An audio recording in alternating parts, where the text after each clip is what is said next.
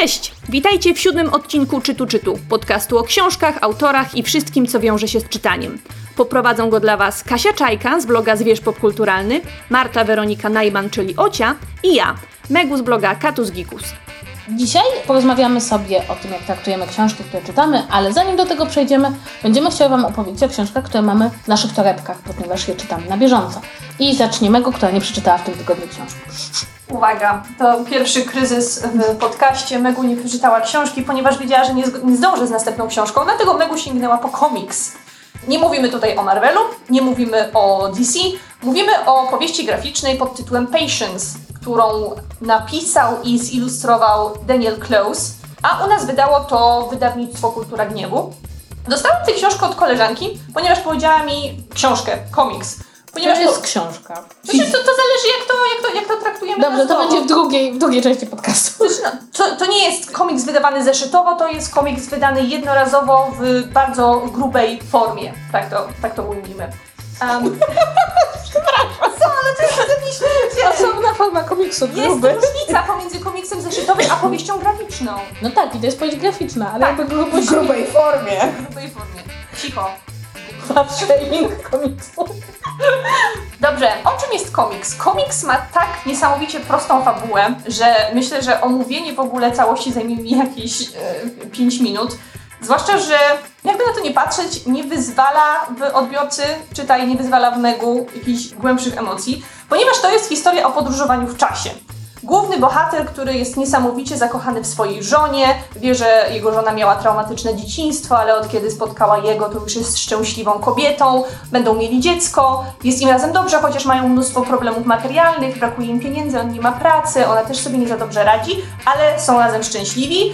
I pewnego dnia jego żona zostaje zamordowana. On znajduje ją martwą w mieszkaniu i lata, lata później postanawia wykorzystać wynalazek jakiegoś gościa, którego przypadkowo spotyka do tego, żeby przenieść się w czasie i zapobiec temu morderstwu.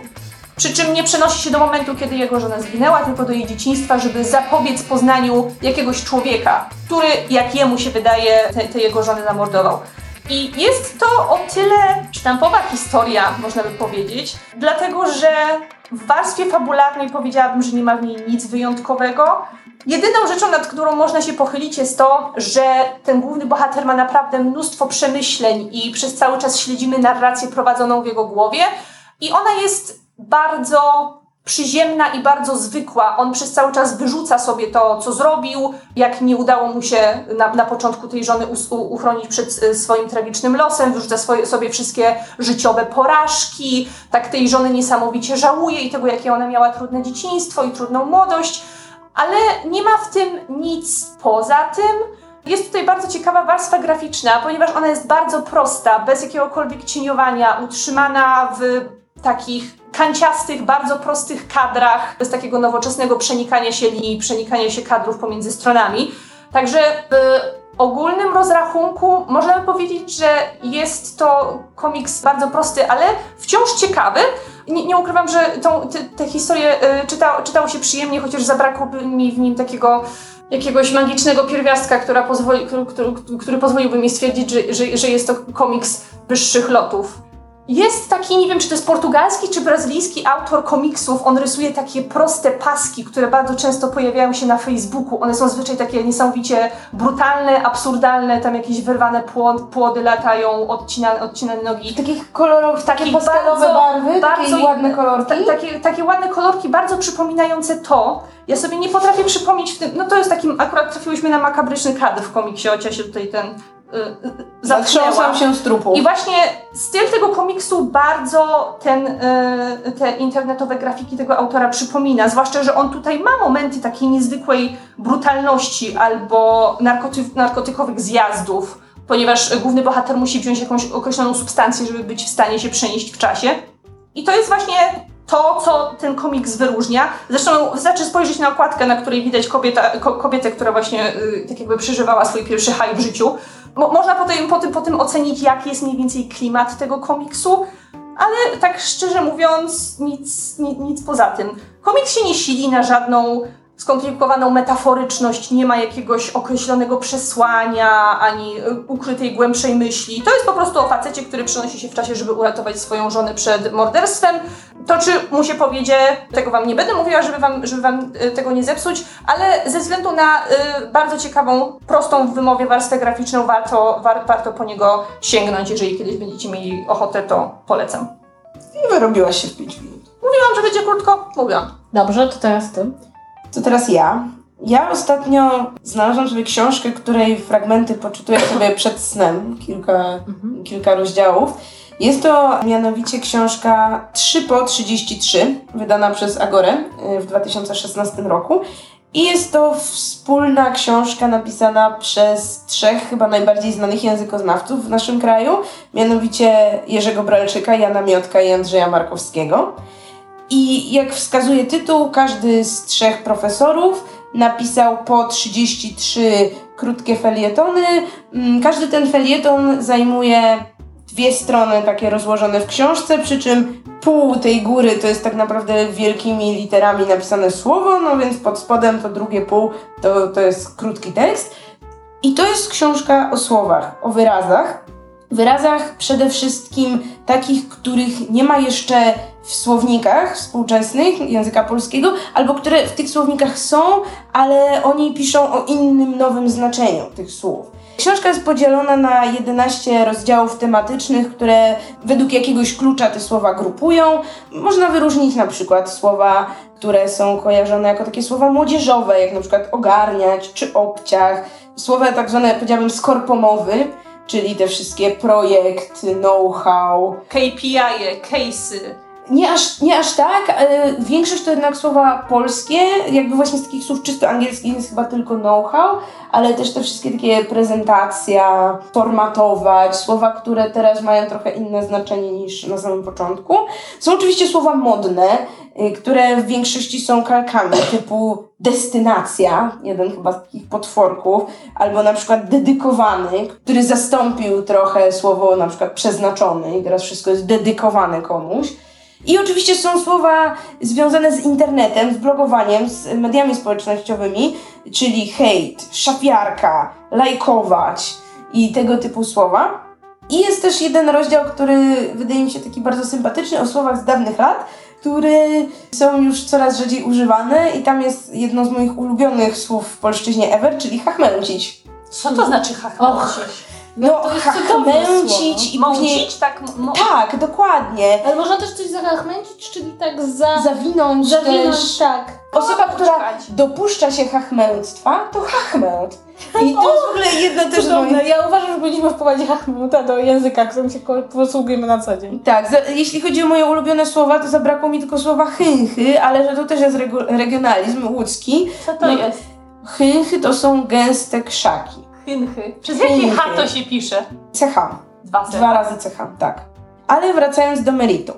Otóż y, te felietony są, jak wspomniałam, dość krótkie, więc czasami możemy czuć pewien niedosyt. Z drugiej strony znajdziemy tam dużo cennych informacji, których właśnie brakuje w słowniku, czyli na przykład jak te wszystkie dziwne słowa się odmieniają, czy jak one się kolokują, ale nie w takiej formie, nie wiem, tabeli z odmianą, tylko po prostu w kolejnych zdaniach dany autor, opisując to słowo, używa jak największej liczby kolokacji, w których to słowo może się pojawiać, jakby żeby w ten sposób nam je przybliżyć. Najczęściej jest też y, podana etymologia tego słowa, czy jeśli jest to słowo, które zostało neosemantyzmem, czyli zmieniło znaczenie w stosunku do swojego pierwotnego znaczenia, no to w jakim momencie mniej więcej to nastąpiło, czy jakie było też wcześniejsze znaczenie tego słowa.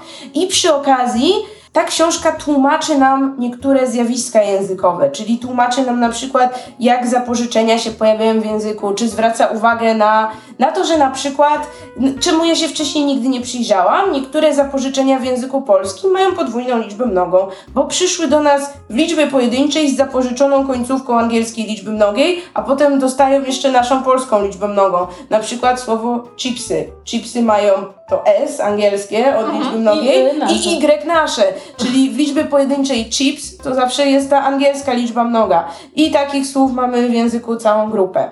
Jest mowa o poszerzeniu pól znaczeniowych, czy o czymś takim, co się nazywa repartycja znaczeń, czyli że kiedyś jakieś słowa były używane jako synonimy, a potem bardziej się wyspecjalizowały i teraz każda z nich znaczy trochę co innego.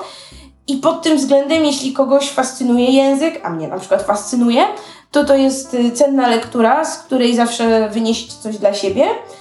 Aczkolwiek powiedziałabym, że niektóre rzeczy są trochę zbyt oczywiste, czy niektóre przykłady są już zbyt mocno ugruntowane w polszczyźnie, by powiedzieć o nich coś nowego. Na przykład takie słowo jak gimbaza. Wydaje mi się, że o gimbazie powiedziano już wszyscy, wszystko, wszyscy wiedzą skąd jest słowo gimbaza, a za chwilę nawet nie będziemy mieć gimnazjów, więc to I to słowo... jest ciekawe pytanie, co się stanie z tym słowem, jak nie będziemy mieć gimnazjów? Czy ono przetrwa jakby ponad... Wydaje mi się, że ono może przetrwać No w tym drugim ma- znaczeniu, czyli tego takiego, mm, powiedzmy, nastolatka, który zachowuje się niezbyt mądrze, na przykład w internecie. A nie, Mm. nie masz wrażenia, że to jest dlatego, że jednak panowie autorzy to są tacy, no ludzie dwa pokolenia wyżej od nas, więc dla nich to jest niezwykłe słowo, dla, dla nas to jest coś normalnego. To znaczy, co, ja, ja bym nie odmawiała tego autorom tej książki, ponieważ to- są, moim zdaniem, ja wiem, że to byli prawdziwi językoznawcy, którzy doskonale wiedzą, że język się bardzo zmienia. I na przykład jak się słucha Bralczyka, to Bralczyk bardzo pięknie mówi o tym, o tym wszystkim, co nam się wydaje, że prawdziwy językoznawca powinien się oburzyć i powiedzieć, mamy no to polskie słowo jak możesz, to właśnie e, Bralczyk bardzo często mówi, nie, jakby mówmy o hejtach i lajkach, Tak, bo, bo, bo to jest konieczne, bo nie można powstrzymać języka, tylko mówmy, jakby zastanówmy się, jak one mogą się wpasować w nasz język. Więc ja myślę, że oni, że raczej to nie chodzi o autorów tej książki, tylko chodzi o potencjalnych czytelników, Mhm. ponieważ podejrzewam, że zakłada się, że taką książkę dostanie, da się cioci na, na gwiazdkę pod, pod choinkę, że ale to też o czym mówisz, w tej książce jest bardzo mało oburzenia. To raczej nie jest tak, że właśnie mamy na przykład y, lajkować, że a czemu lajkować, przecież polubić, to właśnie nie, właśnie oni, autorzy książki tłumaczą, dlaczego ich zdaniem lajkować to nie jest to samo co polubić. Dlaczego te słowa mają różne wydźwięki, dlaczego tak jak po angielsku mamy to like, które jest i lubić, i też podobać się, dlaczego po polsku potrzebujemy słowa lajkować, bo to jeszcze niekoniecznie oznacza lubię to, to może znaczyć takie dopiero podoba mi się, jestem zainteresowany, jeszcze nie wiem, czy to lubię. I tak naprawdę tylko chyba w jednym miejscu natknęłam się na jakiś taki, no nie chcę powiedzieć oburz, na jakąś taką lekką może pretensję i to właśnie dotyczyło takiego słowa jak destynacja, bo to jest Ja redundantna kalka językowa, która nie dodaje niczego nowego. Jakby jest nowe słowo, które jest całkowicie synonimiczne do słowa, które już mieliśmy, więc ono nie jest nam potrzebne. Czy Ja mam- redundantny to też nie jest słowo, które jest kalką? Nie, redundantne to piękne słowo opisujące język. tak, po prostu jest słowem specjalistycznym. Dokładnie. A te bardzo często są podobne w różnych językach. Bo są z łaciny. Natomiast e, a propos e, tej destynacji, to ja jeszcze mam problem, bo jest takie słowo jak dedykowany, Tak, które zaczyna oznaczać przeznaczony dla tak. i to mnie tak denerwuje, bo jakby to jest e, z kolei zmiana znaczeniowa, która nie ma sensu, tylko jest taką bezmyślną kalką językową. Tak, no po prostu takie rzeczy pojawiają się, wychodzą jakby z uzusu, bo po prostu no, ludzie zaczynają tak mówić, no językoznawca też nie jest osobą, której zadaniem byłoby walczyć z tym. Językoznawcy opisują to, co się dzieje, to jak ludzie mówią, no i oczywiście mogą mieć jakieś swoje uczucia, czy sympatię, antypatię wobec jakichś słów, ale jakby ich zadaniem nie jest powiedzieć typu tak nie mówimy, bo, bo to się po prostu dzieje. Ich zadaniem jest w jakimś momencie wpisać słowo do słownika albo nie. I chciałabym zakończyć pięknym cytatem, bo w tej książce Spieszmy się kochać w ludzi! tej książce jest taki fenomenalny Słowa. w tej książce jest taki fenomenalny wstęp. Każdy z autorów jakby napisał wstęp i profesor Bralczyk napisał wstęp, w którym żongluje słowem słowo i wyrazem wyraz, kolokując je w różny sposób, zastanawiając się po części, dlaczego w niektórych kontekstach mówimy słowo, w niektórych mówimy wyraz i jaka jest różnica. Ja sobie wypisałam jedno zdanie z tego wstępu, mianowicie inaczej dają słowo, inaczej wyraz. Pierwsze komuś, drugie czemuś. I to jest taka esencja dla mnie tej książki, która jest o słowach i wyrazach, więc dajcie, dajcie im wyraz i przeczytajcie. Bardzo pięknie, bardzo pięknie. Zepsułam się. Ja się też płaczę. ruszyłam. Sobie przypomniałam w ogóle... Megu nie płaczę. Jak słyszałam wykład e, Brelczyka na Blog Forum Gdańsk i to było tak piękne po tych wszystkich ludziach, którzy się wydawało, że umieją mówić przed, przed profesor Brelczyk i pozamiatał i to było takie, o, dobry językoznawca to dobry językoznawca. Ja myślę, że słuchacze naszego podcastu nie mogą się doczekać, żeby usłyszeć o jakiej nowej książce o górach przeczytałam. To kącik himalajski Kasi. W ogóle dzisiaj mamy taki odcinek hermetycznych książek. Tak, trochę tak. Znaczy chciałam chciałam powiedzieć, że on się nie skończy, ponieważ wyszły dwie nowe książki poświęcone alpinizmowi i obie chcę przeczytać, więc przygotujcie się na to, że w nadchodzących, nadchodzących podcastach Kasia znowu będzie siedziała w Karakorum albo, albo w Himalajach. Otóż e, skończyłam czytać e, długi film o miłości, Powrót na Broad Peak, czyli reportaż napisany przez Jaska Hugo Badera o tej nieudanej wyprawie na Broad Peak. Uuu, czekam na kontrowersję. No i e, A ja czekam, aż ktoś mi wyjaśni o co chodzi. No to No czekaj, więc ja ja już- powiem. Dzień dobry, to ja, Katarzyna Czajka. Cztery lata po premierze książki, nie no trzy lata po premierze książki, tłumaczę o co chodzi. Otóż o co, o co poszło? Była nieudana wyprawa Polaków na Broad Peak w zimie, ponieważ sytuacja wygląda tak, że nie wiem czy wiecie, ale ogólnie Polacy są najlepszymi na świecie specjalistami od zdobywania najwyższych szczytów świata w zimie. To polegało na tym, że kiedy alpinizm w Polsce dostał taki oddech i alpiniści mogli w końcu pojechać w Himalaje czy w Karakorum, no to wszystkie najwyższe szczyty na świecie zostały zdobyte. No i co to stało Polakom? No to kurczę, wszystko już znam zdobyli, no to zdobędziemy to zimą. Powiedzenie, a zdobycie zimą, to, to co to za osiągnięcie? No osiągnięcie jest takie, że jest tam trzy razy bardziej zimno, leży śnieg, można zginąć w lawinie, można odpaść od ściany, jest dużo, dużo, dużo trudniej. Plus 50 do śmiertelności. Coś takiego, no a, a jednocześnie jakby są takie góry, o których nie, nie jesteśmy do końca pewni, czy w ogóle da się je zdobyć zimą, ponieważ na przykład wiatr tak wieje, że się nie da, albo nie ma wystarczająco, wystarczającej liczby pogodnych dni, żeby nawet himalaiści mogli spróbować. Bo to nie jest tak, że się wychodzi rano w górę i wraca następnego dnia, tylko to są takie próby, które polegają na tym, że się zakłada. Są dwa rodzaje wspinania się na góry. Albo można próbować pójść szybko, bez zakładania obozów, ale takim popularniejszym sposobem jest zakładanie kilku obozów coraz wyżej, coraz wyżej, coraz wyżej, aż w końcu dochodzi się na szczyt, a potem wraca się po ten obóz. No i była ta no, tragiczna wyprawa Polaków na Broad Peak zimowa, gdzie Polacy, czwórka polskich himalaistów zdobyła szczyt. I sprawa wyglądała tak. To było, był Maciej Babeka, który był jedną z legend polskiego himalaizmu. Był Adam Bielecki, który był takim bardzo zdolnym, młodym himalaistą, który, któremu bardzo zależało na sukcesie. No i było jeszcze dwóch himalaistów, których ja teraz w tym momencie nie pamiętam nazwisk, powinnam sprawdzić. Jeden się nazywał Artur, a drugi się nazywał Tomasz Kowalski czy Kowalczyk. No i e, oni szli parami. Jak się idzie na Broad Peak, trzeba się wdrapać na szczyt i człowiekowi się już wydaje, że jest na szczycie, ale tam jest jeszcze jeden szczyt. No i kiedy oni się wdrapali na ten pierwszy szczyt, no to stało się jasne, że będą wracać w nocy. No i wracanie w nocy, w zimie z ośmiotysięcznika to jest troszeczkę jak samobójstwo. I prawdę powiedziawszy, wszyscy powinni wtedy zawrócić, ale tego nie zrobili. I pierwszym, pierwsi na szczycie doszli młodzi alpiniści, doszedł ten Artur i Adam Bielecki, po czym zaczęli zawracać. Babeka i Tomasz doszli później. Skończyło się to tym, że przeżył Bielecki i ten, który szedł bezpośrednio za nim, a Babeka po prostu zaginął. Nie wiemy do końca gdzie, nie, wiadomo było nawet do końca gdzie, natomiast ten Tomasz, to była taka dosyć dramatyczna sytuacja, to znaczy ludzie w bazie na dole mieli z nim łączność i mogli z nim rozmawiać, ale nie byli go w stanie zmusić, żeby on zszedł, no bo on zaczął mieć chorobę wysokościową, kończyła mu się wytrzymałość, mm, zgubił rak. Była dużo, dużo dyskusja odnośnie tego, czy ci, którzy zginęli, nie zginęli dlatego, że ci silniejsi i bardziej sprawni poszli szybko, ratując samych siebie, a nie myśląc o tym, żeby, żeby uratować całą wyprawę. To jest olbrzymia kontrowersja, dlatego, bo nam, stojąc na ziemi, może się wydawać, że mogłeś się po niego wrócić, tak? Natomiast jakby na ośmiotysięczniku problem polega na tym, że nie za bardzo można zawrócić. Jeśli zaczynasz schodzić, to organizm jest tak bardzo często wycieńczony, że nie za bardzo da się podejść dwa kroki w górę. Chociaż oczywiście mamy przykłady niesamowitego poświęcenia i, i bohaterstwa e, alpinistów i himalaistów, którzy poświęcali się dla siebie, czasem kosztem własnego życia nawet. No i ogólnie rzecz biorąc, było to też związane z taką wielką kontrowersją, jaką zawsze budzi chodzenie po górach, zwłaszcza po tych najwyższych, to znaczy, czy opłata z własnego życia jest wystarczająca, żeby ją zapłacić za wejście na górę i zdobycie osiągnięcia sportowego. Reportaż e, Hugo Badera jest o wyprawie, która odbyła się rok później i brał w niej udział Jacek Babeka, czyli brat Macieja Babeki, też alpinista, a także rodzina tego Tomasza, który zginął. Pomysł tej wyprawy był taki, żeby znaleźć te ciała i je w jakiś sposób pochować. Nie chodzi o to, żeby je sprowadzić do Polski, bo to jest bardzo trudne, ale na przykład umieścić je, to co się robi bardzo często z ciałami alpinistów, e, w szczelinie lodowej, tak żeby, mm, żeby nie były po prostu na drodze. Ponieważ, e, jak e, słusznie mówił właśnie brat e, Babeki, że on by nie chciał, żeby ciało jego brata było taką wskazówką dla późniejszych ludzi, którzy zdobywają górę, że są na wielu górach są ciała alpinistów i na przykład spinacze wiedzą, o jesteśmy koło ciała zamarzniętego Japończyka, no to jeszcze tylko 20 minut do szczytu, tak? ja wiem, że to może dziwnie brzmieć, no ale jakby stają To się... nie były drogowskazy, tak? No bo te ciała się tam nie rozkładają, prawda? Więc one tam W takich leżą i leżą, tak. i leżą. No a inna sprawa jest też taka, że e, istnieje taka tradycja, że pod górą na takich metalowych jakby plakietkach przyczepia się informacje o śmierci. O śmierci osoby, która zginęła na tej górze, w związku z tym jest to takie miejsce zadumy. No i też to chcieli zrobić.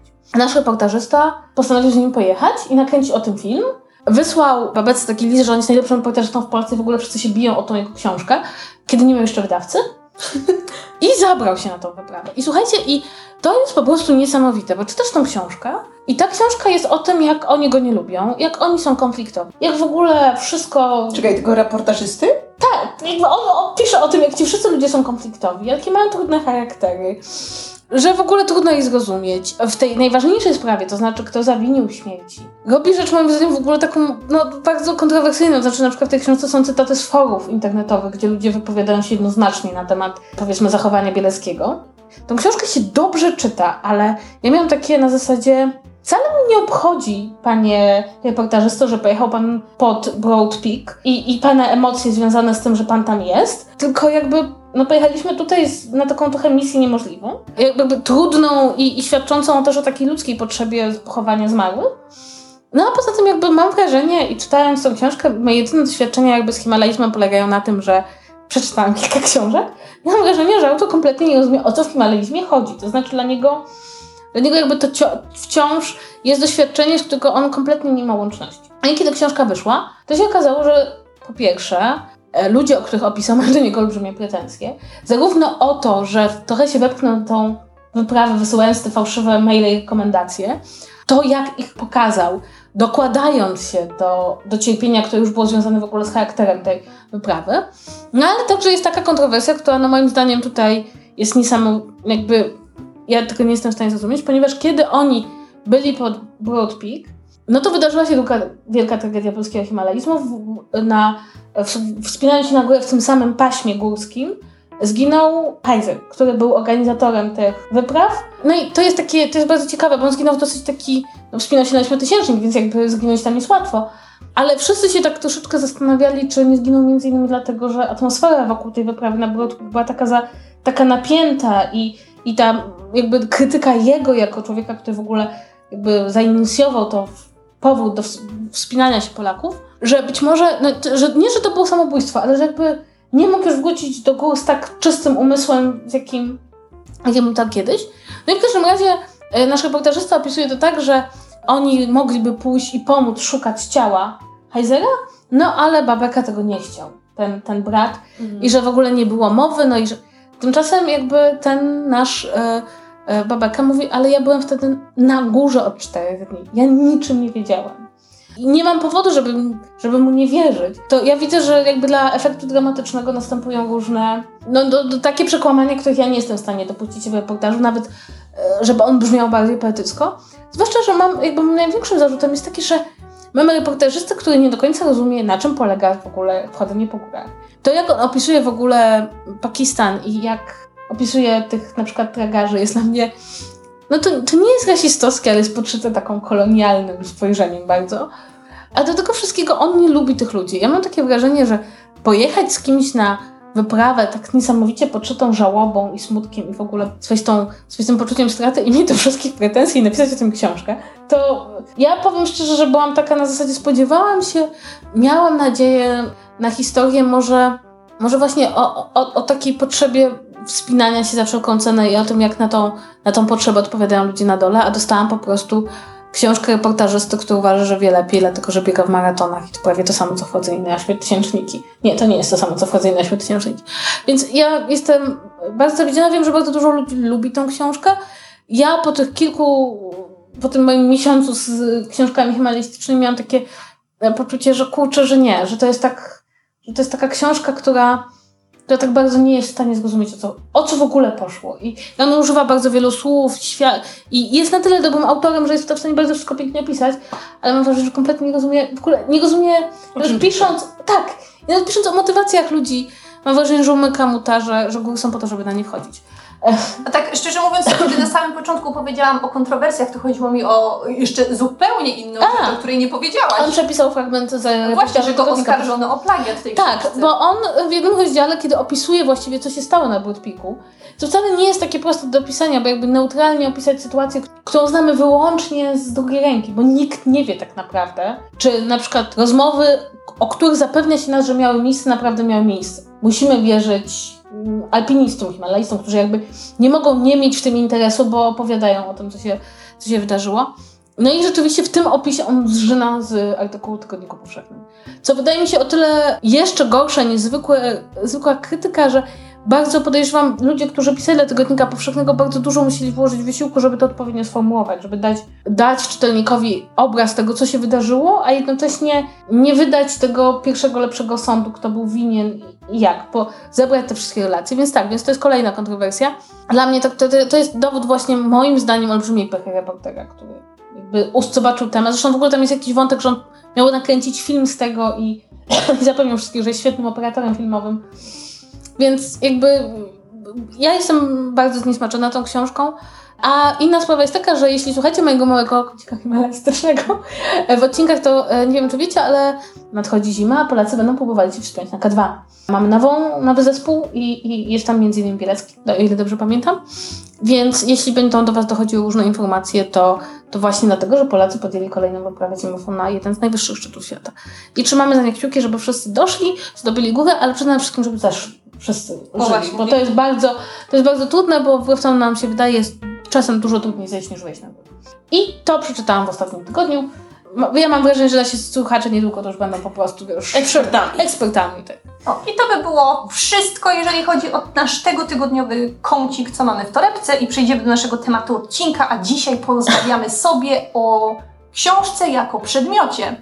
Ponieważ jeżeli jesteście regularnymi użytkownikami internetu albo ludźmi, którzy często zaglądają na blogi, tudzież grupy książkowe na Facebooku, prawdopodobnie niejednokrotnie natknęliście się na dyskusje w stylu ludzie, którzy zaginają rogi to potwory i powinni umrzeć, ewentualnie spłonąć na stosie i tego typu rzeczy. I dzisiaj porozmawiamy sobie właśnie o tym, jak my podchodzimy do tego, jak powinno się traktować książkę, co jest dopuszczalne, co jest niedopuszczalne, a od czego wszyscy powinni się po prostu odwalić. I będziemy się kłócić. Oj Ja tak. właśnie nie wiem. Znaczy, czy, czy mam takie jakieś wrażenie, że, że możemy się paradoksalnie zgadzać. A nie, bo zapomniałam, że dobrze. Ocia ma OCD. E, tak, więc e, może ja zacznę. Dlatego, że wydaje mi się, już jeśli mamy bardzo, bardzo dużo książek, to w pewnym momencie staje się to, co dla niektórych jest nie do pomyślenia. Może nie to, że zaczynamy po nich pisać, ale na przykład zaczynamy je kłaść w miejscach, które niekoniecznie do książek należą. To znaczy, to jest... Ocia już się Ocia cała tak. tutaj Znaczy, ja, ja może dodam tutaj ratę, że ja jakby, e, ponieważ u mnie w rodzinie jakby nie ma, nigdy nie było zdania, co to znaczy mieć za dużo książek, to u moich dziadków książki stoją też w kuchni. Ja uważam, że to już jest przypadek patologiczny.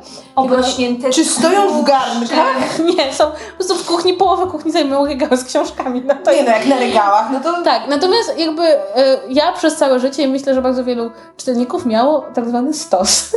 Stos to są te książki, które narosły wtedy, kiedy skończył się regał. Hashtag stosik. hashtag stosik.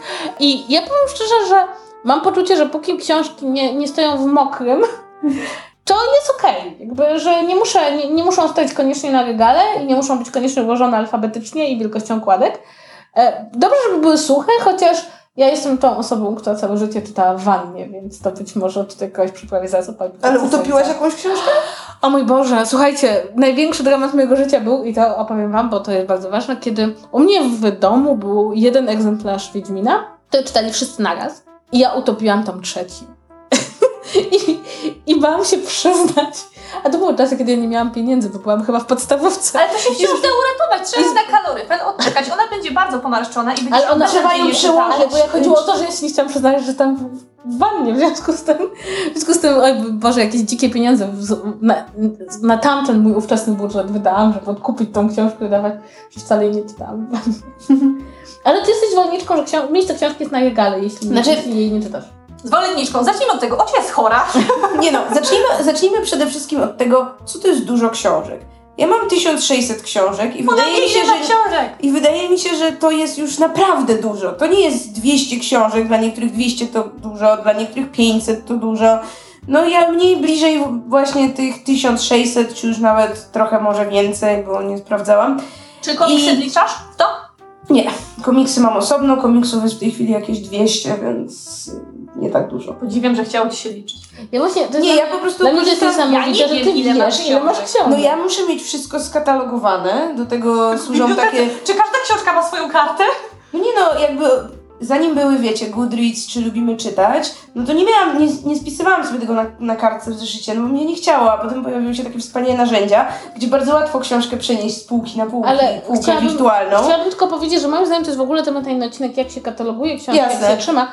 Zajmijmy się tym. Dobrze, no więc, co- więc wiem ile mam książek i to jest ta, to nie jest tak, że książki nie mogą leżeć gdzie indziej, no bo czasem, tak jak mówisz, regał się kończy i oczywiście, że już nieraz w życiu doświadczałam sytuacji, kiedy regał się skończył nie tylko w jednym rzędzie, ale w dwóch, a także wtedy, kiedy leżą książki w poziomo zamiast stać pionowo i no wtedy trzeba sobie jakoś z tym radzić. Ja obecnie książki trzymam w pudełkach, bo od roku szykuję się już do przeprowadzki, która kiedyś tam nastąpi, więc po prostu, żeby książkom, którym y, zabrakło miejsca na regale, po prostu od razu lądują w pudełkach.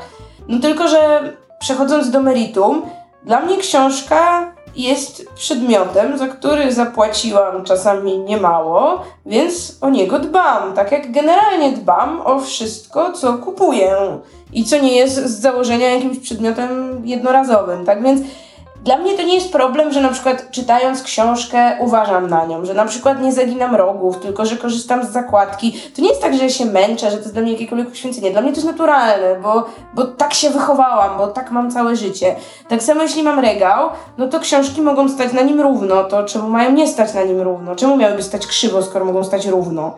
I jakby dbałość, dbałość o przedmioty i to mi się tak powoli zmienia z opowiadam, co robię po, jeśli ustawicie nierówno książki na swoim regale, to przyjdę i was zabiję.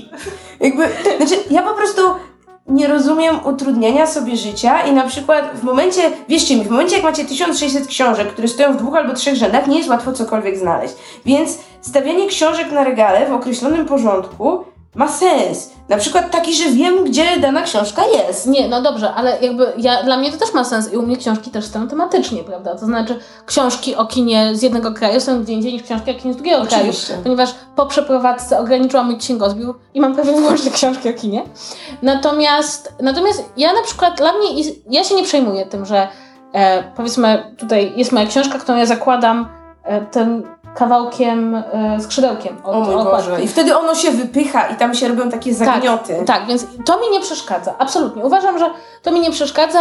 E, tak samo jak powiedzmy, nie przeszkadza mi, że książka, która podróżuje ze mną, powiedzmy, w plecaku, jest ta tam wrzucona, a ja zawsze w plecaku mam jakiś długopis albo jakieś, albo jakieś dziwne rzeczy, to ona się może trochę porysuje, czy gdzieś tam jej się przy, przy grzbiecie coś odejdzie. To mi nie przeszkadza. Tak jakby uważam, że jest to produkt, który użytkuję, no i jeśli on się troszkę zużyje przy użytkowaniu, no to te literki w środku nadal są na odpowiednich miejscach.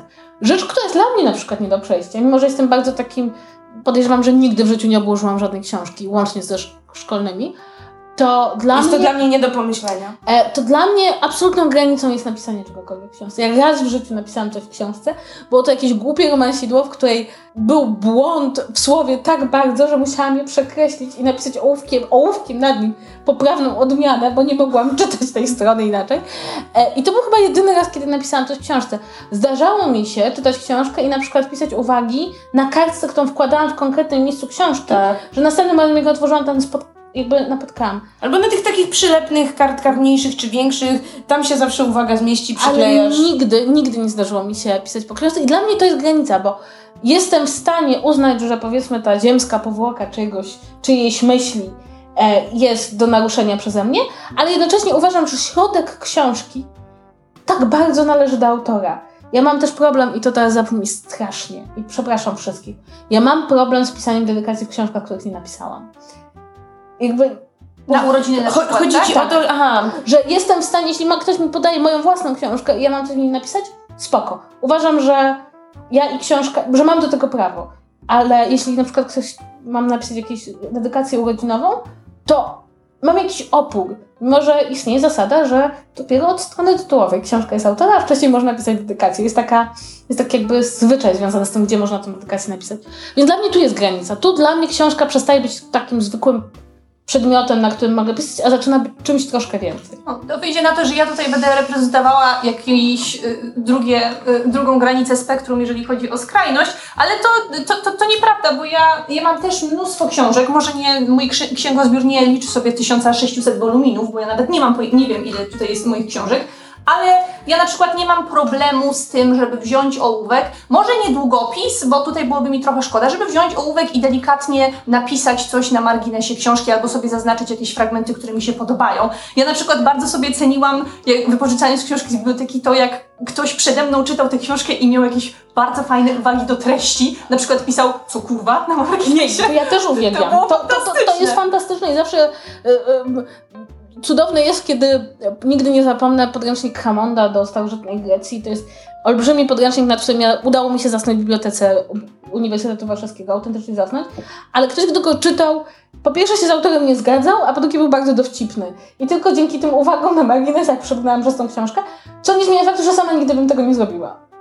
Ale wrac- wracając y, do tego, jak ja traktuję swoje książki, to jestem w stanie zagiąć w nich rogi, jestem w stanie używać obwoluty jako zakładki, um, jestem w stanie czytać w wannie, ale teraz nie mam wanny, nad czym bardzo ubolewam, więc tego nie, jest, nie, nie mogę robić. Przy czym ja robię taki podział, że jednak są u mnie książki, powiedzmy takie bardziej y, popularne, wydane trochę gorzej, Paperbacki. Paperbacki, nazwijmy to, i na przykład książki w grubej oprawie, albumy, coś wydane na kredowym papierze, czego jednak byłoby mi szkoda i czego e, bałabym się zniszczyć.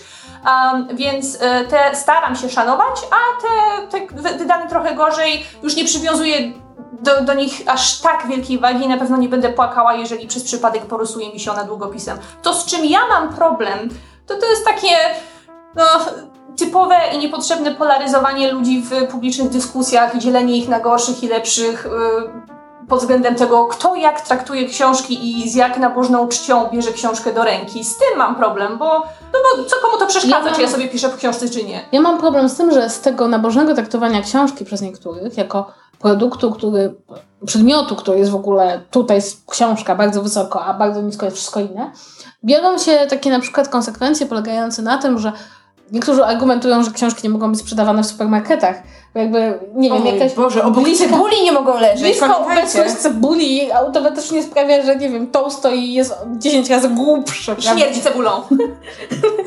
Nie, i to, i to jest dla mnie problem. Taki rzeczywiście w dyskusjach na temat rynku książki czasem podaje się ten przykład, że no książka to nie jest każdy lepszy, le, pierwszy lepszy produkt, co jednocześnie jest prawdą, ale z drugiej strony nie aż tak bardzo, jak ludzie, którzy o tym dyskutują, chcieliby nam, nam to wmówić.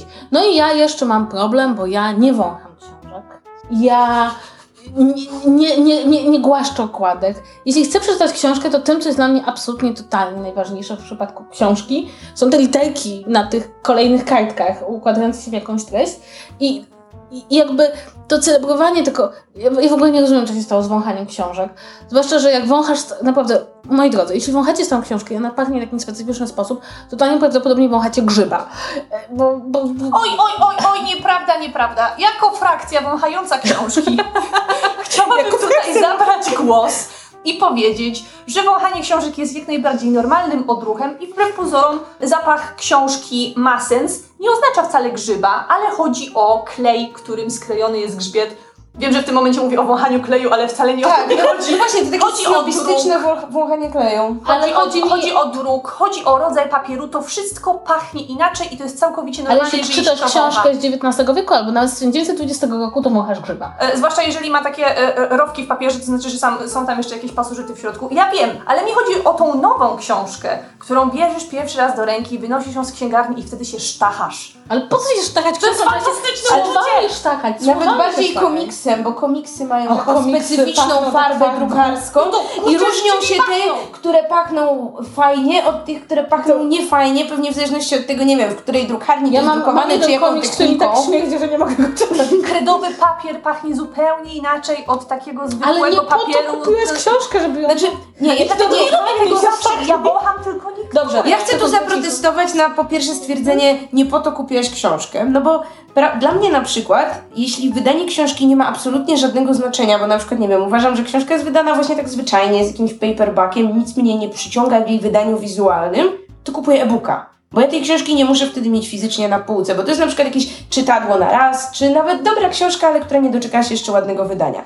Ja jestem fetyszystką ładnych wydań. Książek właśnie wydanych na przykład w dużym formacie, wydań ilustrowanych, wydań z obwolutami, wydań w jakimś sensie szczególnych, bo to są książki, które mają dla mnie też wymiar kolekcjonerski. Oczywiście jakby to nie jest tak, że uważam, że coś jest ważniejszego od treści, bo nie jest, ale jakby odłóżmy to sobie na bok. I jeśli dajmy na to, staję przed dylematem, które wydanie książki kupić, albo czy kupić tę książkę w formie elektronicznej czy papierowej, to jak najbardziej zwracam uwagę na absolutnie wszystkie szczegóły jej wydania. Zwłaszcza, że w momencie, jak się, jak powiedzmy, ilość książek w mieszkaniu przekracza punkt krytyczny, to trzeba jednak dojść do tego momentu, żeby wybrać, które książki zasługują na to, żeby je kupić w tej formie fizycznej, a które nie. Pamiętajcie, I że to jest też dodatkowe zagrożenie pożarowe. będę musiała się bardzo dobrze ubezpieczyć, pamiętam No. o tym. Tak, ale jakby dla mnie wydanie jest niezwykle ważne i zdarzyło mi się już nieraz, że miałam książkę w wydaniu powiedzmy przeciętnym, czy przeciętnie ładnym, jak na mój gust estetyczny. Ta książka wychodziła w nowym wydaniu, w treści nic się nie zmieniło, tak? Nie to, że jest poprawione tłumaczenie, czy że autor dopisał rozdział. Nie, treść jest absolutnie taka sama. Wymieniałam wydanie na ładniejsze, bo po prostu lepiej wpasowuje się w moją estetykę, w estetykę mojego regału i uważam, że jasne, to jest jakiś rodzaj choroby, ale Dobrze, że to ale tak długo jak wydaje na to, że mam problem. tak długo jak wydaje na to, To moje pieniądze, to uważam, że absolutnie nie, nikomu nie, do ale tego. ja, ja by też uważam, że nikomu nic do tego, zwłaszcza, że uważam, że na przykład ludzie, którzy, któ- którym udaje się dostawać książki, które im się podobają w bardzo pięknych wydaniach i nie są trollowani przez wydawców, którzy prawda, w tej jednej książce umieszczą, prawda, Grzbiet w drugą stronę, o mój. Boże, odcinek o grzechach wydawców będzie. Tak, będzie, koniecznie, bo e, i ja się zgadzam absolutnie, to znaczy mi się nigdy w życiu nie zdarzyło kupić książki, którą posiadałam, bo znalazłam jakieś inne, ładniejsze wydanie. Dla mnie to jest w ogóle totalna abstrakcja i przyznam szczerze, że obecnie decyzja o tym, czy kupuję książkę w e-booku, czy kupuję książkę e, taką, którą papierze. postawi na półce na papierze, e, poza lenistwem, to znaczy ja wiem, że jestem tak leniwa, że czasem nie chce mi się ściągnąć e-booka, to już jest w ogóle jakiś szczyt lenistwa. Czy Więc zamiast siedzieć w domu i ściągnąć e-booka, wolisz iść do księgarni i kupić Nie, bo zwykle ja myślę o książce na zasadzie, o, jestem w księgarni, kupię książkę. I potem mój mózg mówi, ej Kaśka, ty leniu, parszywy, ściągnięcie e-booka mogłabyś zrobić z własnej kanapy, ale to już jest e, inna sytuacja, więc ja to uważam za przejaw lenistwa. Natomiast ja jakby tutaj dla mnie treść jest decydującą rzeczą o tym, czy kupuję w e-booku, czy, czy normalną książkę, bo ja właściwie nie uznaję książek niefabularnych w e-booku. To znaczy, może reportaż, ale na przykład wszystkie książki, które kupuję o kinie, dla mnie w ogóle pomysł, żebym miała je czytać w e-booku nie ma sensu, bo dla mnie jest ważne, żeby one stały mi na półce, żebym mogła zajrzeć w dowolnym momencie na stronę 74 bez przeglądania tego w e-booku. Czy dlatego, że też jest to, tak jak mówisz, wymiar kolekcjonerski. Ja kolekcjonuję książki o kinie, które ukazały się w Polsce i te, do których mam dostęp. No i oczywiście jest jeszcze jedna rzecz, o której się bardzo rzadko mówi. Nigdy, absolutnie nigdy nie można kupować bez e-booku.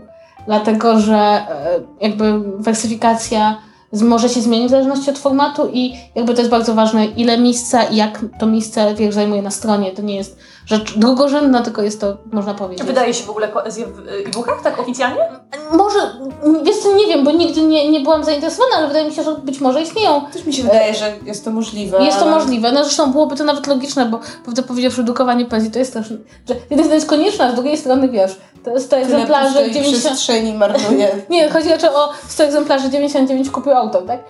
Natomiast mam też, mam też takie poczucie, że musimy oddzielić to, że każdy ma własne preferencje, jak traktuje książki, od tego, że jest niesamowite, jak bardzo w przypadku książek to, jak traktujesz właśnie przedmiot książki, staje się oceną ciebie jako czytelnika. O Boże, ja napisałam coś jeszcze gorszego. Ja sobie napisałam, że stosunek człowieka do książki jest w pewnym sensie odzwierciedleniem charakteru osoby. Jezu, już myślałam, że patrząc napiszesz, na że to- świadczy o człowieku jego wartości. Dobrze, że tego nie.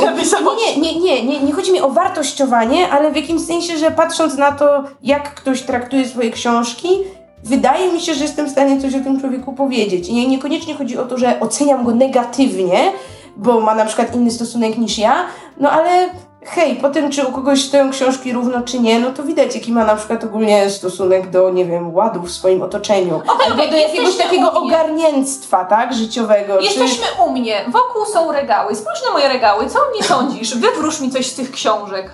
Może hej, stoją książki wyższe obok niższych.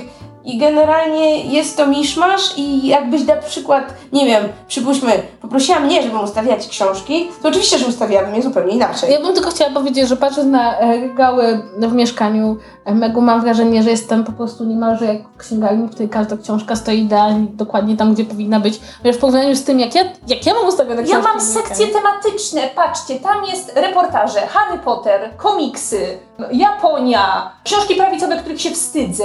I zobacz, Taniec Zielonego ale zobacz, Wzgórza. masz rozrzucone komiksy. Masz komiksy na samej górze, a na przykład tam widzę Watchmenów cztery półki niżej. Bo to, to nie ma Ale sensu. to są komiksy Krzyśka, no. Ja chciałam No tylko, przepraszam bardzo, u mnie na przykład ja mam osobną półeczkę, zupełnie gdzie indziej w mieszkaniu niż reszta komiksów, na lewackie komiksy. I to jest półeczka lewackich komiksów, ponieważ dla mnie osobiście nie ma sensu, żeby mój mouse stał obok Superman Odrodzenie, bo to nie jest to samo. Oczywiście, że tak. I No i dlatego, i to, to jest odzwierciedlenie tego masz na półce Megu, bo Watchmeni i Marvel wydawany tak, ale chodzi mi o to, jest że sekcja komiksów nie powinna być rozdzielona poezją czy Harrym Potterem. Znaczy ja powiem szczerze, Poezja jest tam. Ja powiem szczerze, że ja mam też takie troszeczkę wrażenie, że istnieje jeszcze, nie wiem czy to jest prawdziwe, to jest, ja mam wrażenie, że to jest w moim, w przypadku mojego domu, gdzie książek było za dużo, żeby można było je sobie, one były ustawione w pewien sposób, ale także trwała wieczna walka o ogień, to znaczy mój ojciec na przykład podstawiał swoje książki, miejsce książek mojej mamy, czy, no był regał, który zaczął się od książki o Żydach, a potem te książki o Żydach były wszędzie,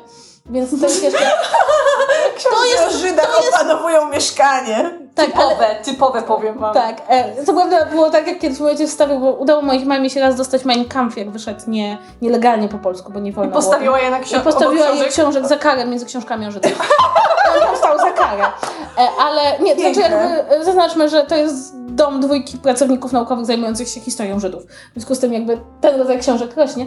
Natomiast ja mam też takie wrażenie, że to zależy jak traktujesz książkę. Mo- w, w domu, w którym ja się wychowałam, książki były narzędziem pracy, przedmiotem o, ciągłej oceny, ale także czymś, co sami robiliśmy. To znaczy, wiesz, mam takie poczucie, że kiedy y, wszyscy wokół ciebie piszą te książki, ogólnie napisane książki, napisane książki, każdy pisze książkę, y, to twój stosunek do tego, jak ksio- czym jest książka, się zmienia, bo to nie jest coś, jakieś... Y, coś, co ktoś ci zaoferował, ty przychodzisz, tylko jest takie, e, napisałeś książkę, no napisałem książkę, no stoi, ta, leży tam w pudle pod stołem i, i się kurzy te, te kilkanaście egzemplarzy.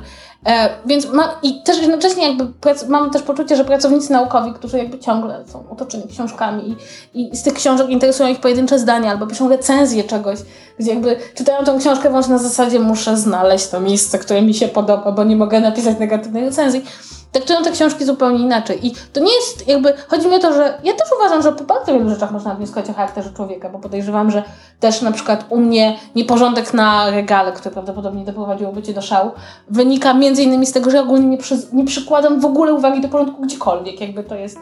Ale też mam wrażenie, że to jak nasi rodzice traktowali książki, czy sami zbudowaliśmy naszą kolekcję książek, czy ją częściowo dziedziczyliśmy, czy na przykład składa się głównie z książek, które ktoś nam podarował. Jaki mamy stosunek do poszczególnych tomów, bo ja na przykład mam takie książki, które stoją zupełnie w złym miejscu, ale chcę je mieć na oku, bo je uwielbiam. Czekaj, czekaj, poszczególnych tomów. Chcesz powiedzieć, że miewasz tak, że masz jakąś serię i masz tomy z różnych wydań?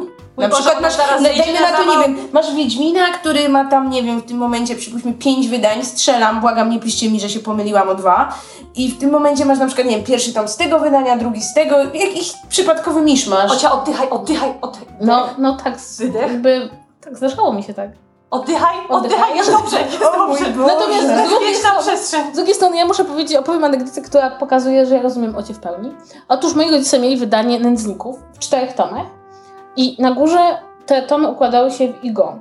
Mhm. Ale ktoś przestawił tom drugi, trzeci. Przestawił go jak miałam lat chyba z 10, chyba mój starszy brat czytał Nędzników. To tam było przez 5 lat.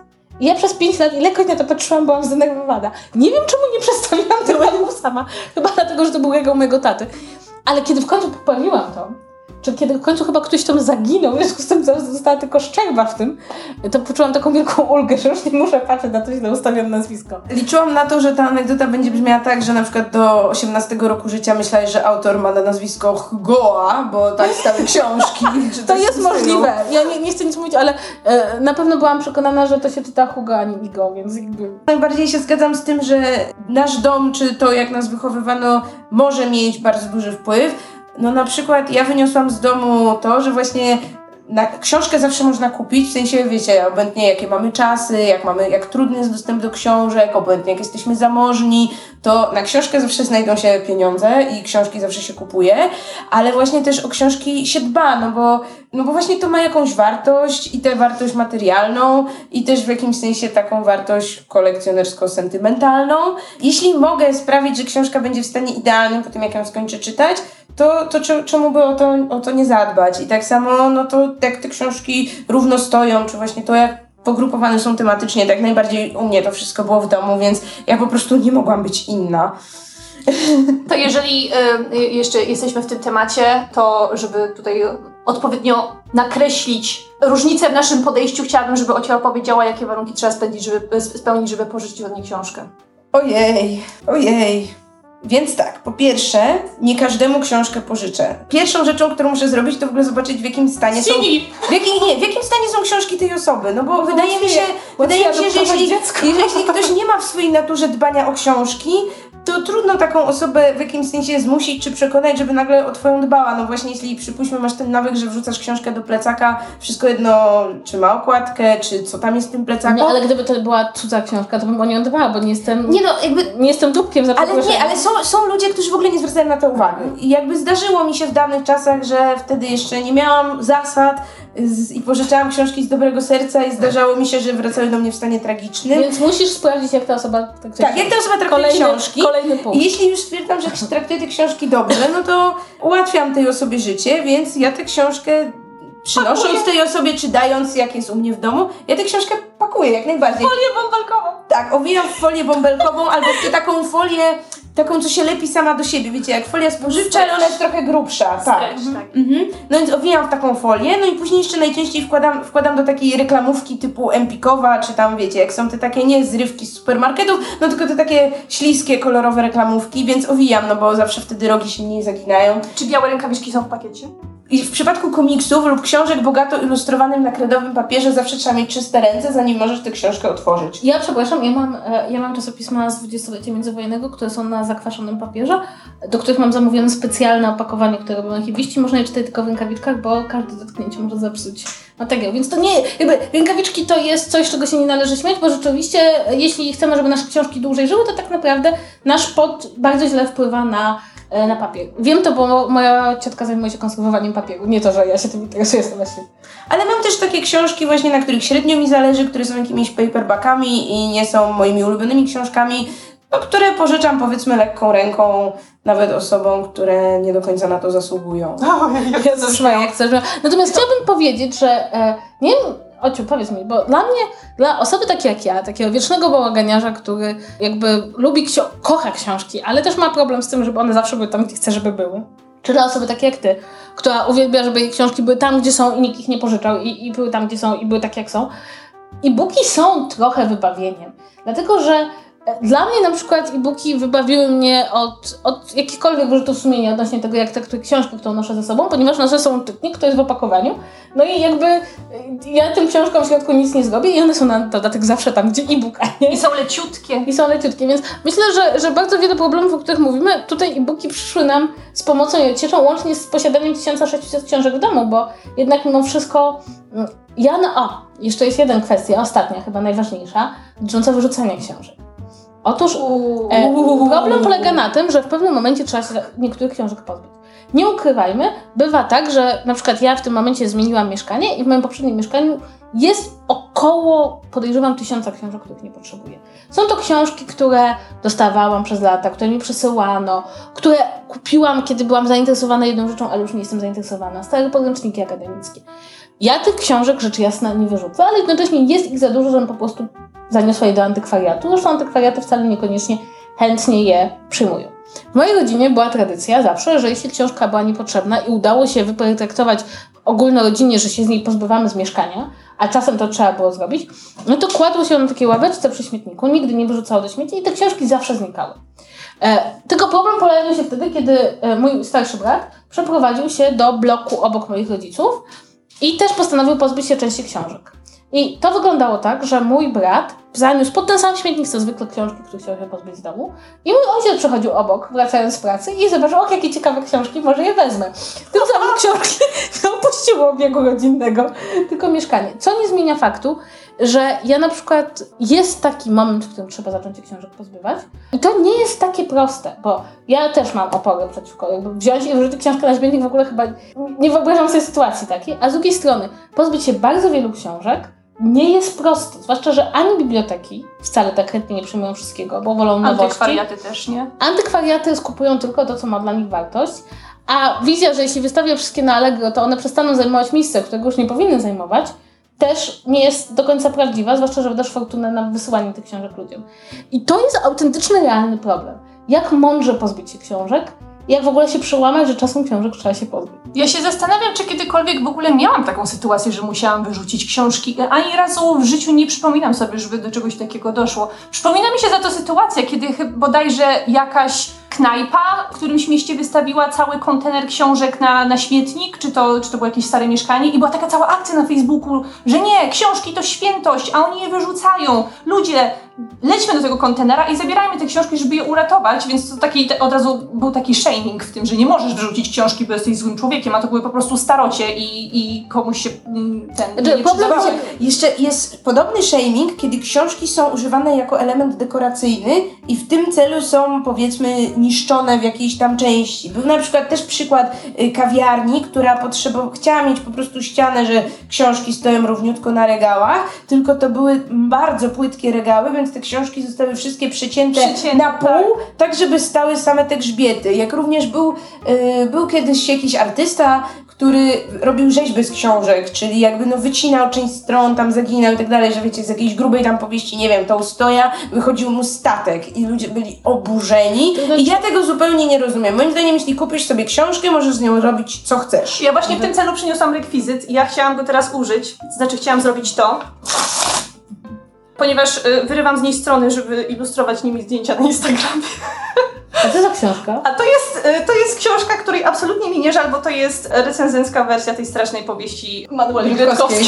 Znaczy, ja powiem szczerze, że jeszcze warto dodać do tego, że ograniczmy jednak nasze oburzenie do książek, które na przykład nie są. Ja jestem w posiadaniu, może by ktoś chciał, e, pewnego opracowania pewnej pani o rozwoju socjologii w Polsce w, na Uniwersytecie Warszawskim. Jest to zasadniczo rzecz biorąc książka telefoniczna ludzi, którzy skończyli socjologię w Polsce na Uniwersytecie Warszawskim od założenia tego kierunku. To jest bardzo ważna pozycja, ja myślę, że powinna teraz- otrzymać I specjalne teraz powiem polega na tym, że ja już tej pozycji nie chcę. I teraz tak.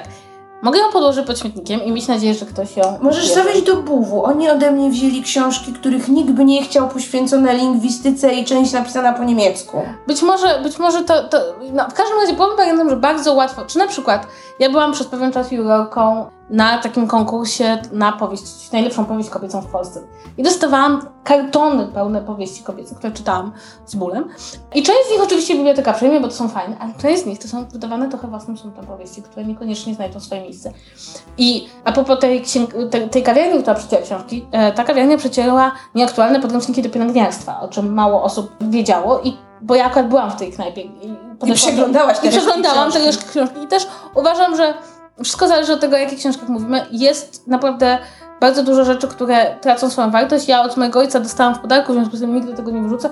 Rosyjski podręcznik do obsługi projektorów kinowych z 1957 roku. Warto dodać, że nie, e, nie znam rosyjskiego.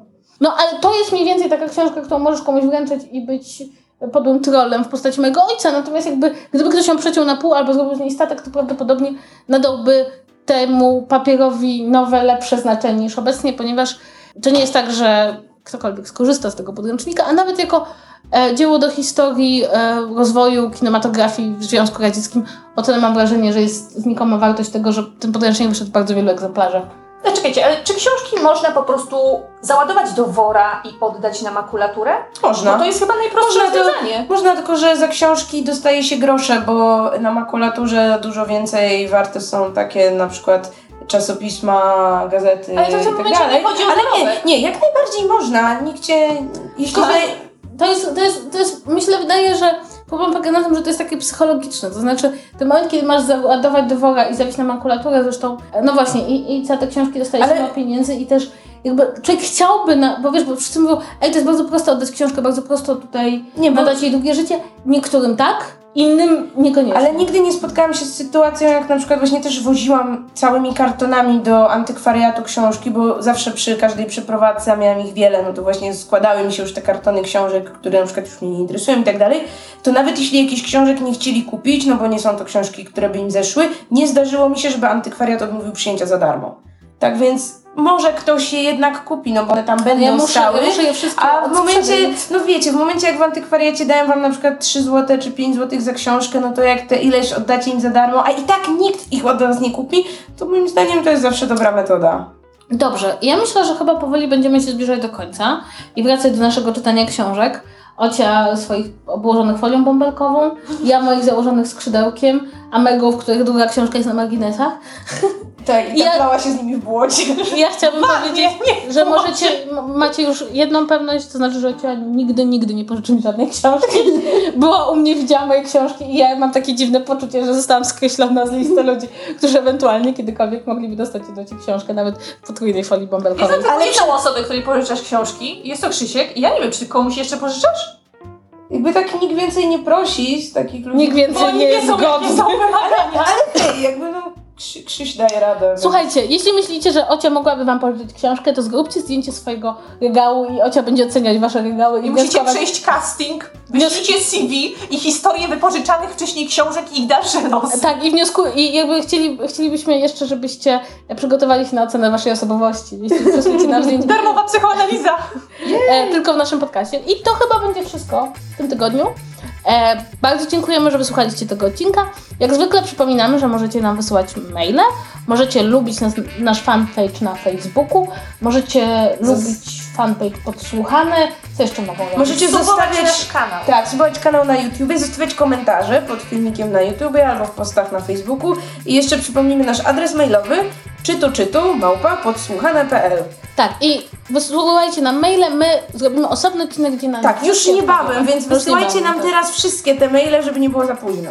Tak, i to chyba będzie wszystko w tym tygodniu. Do usłyszenia w przyszłym.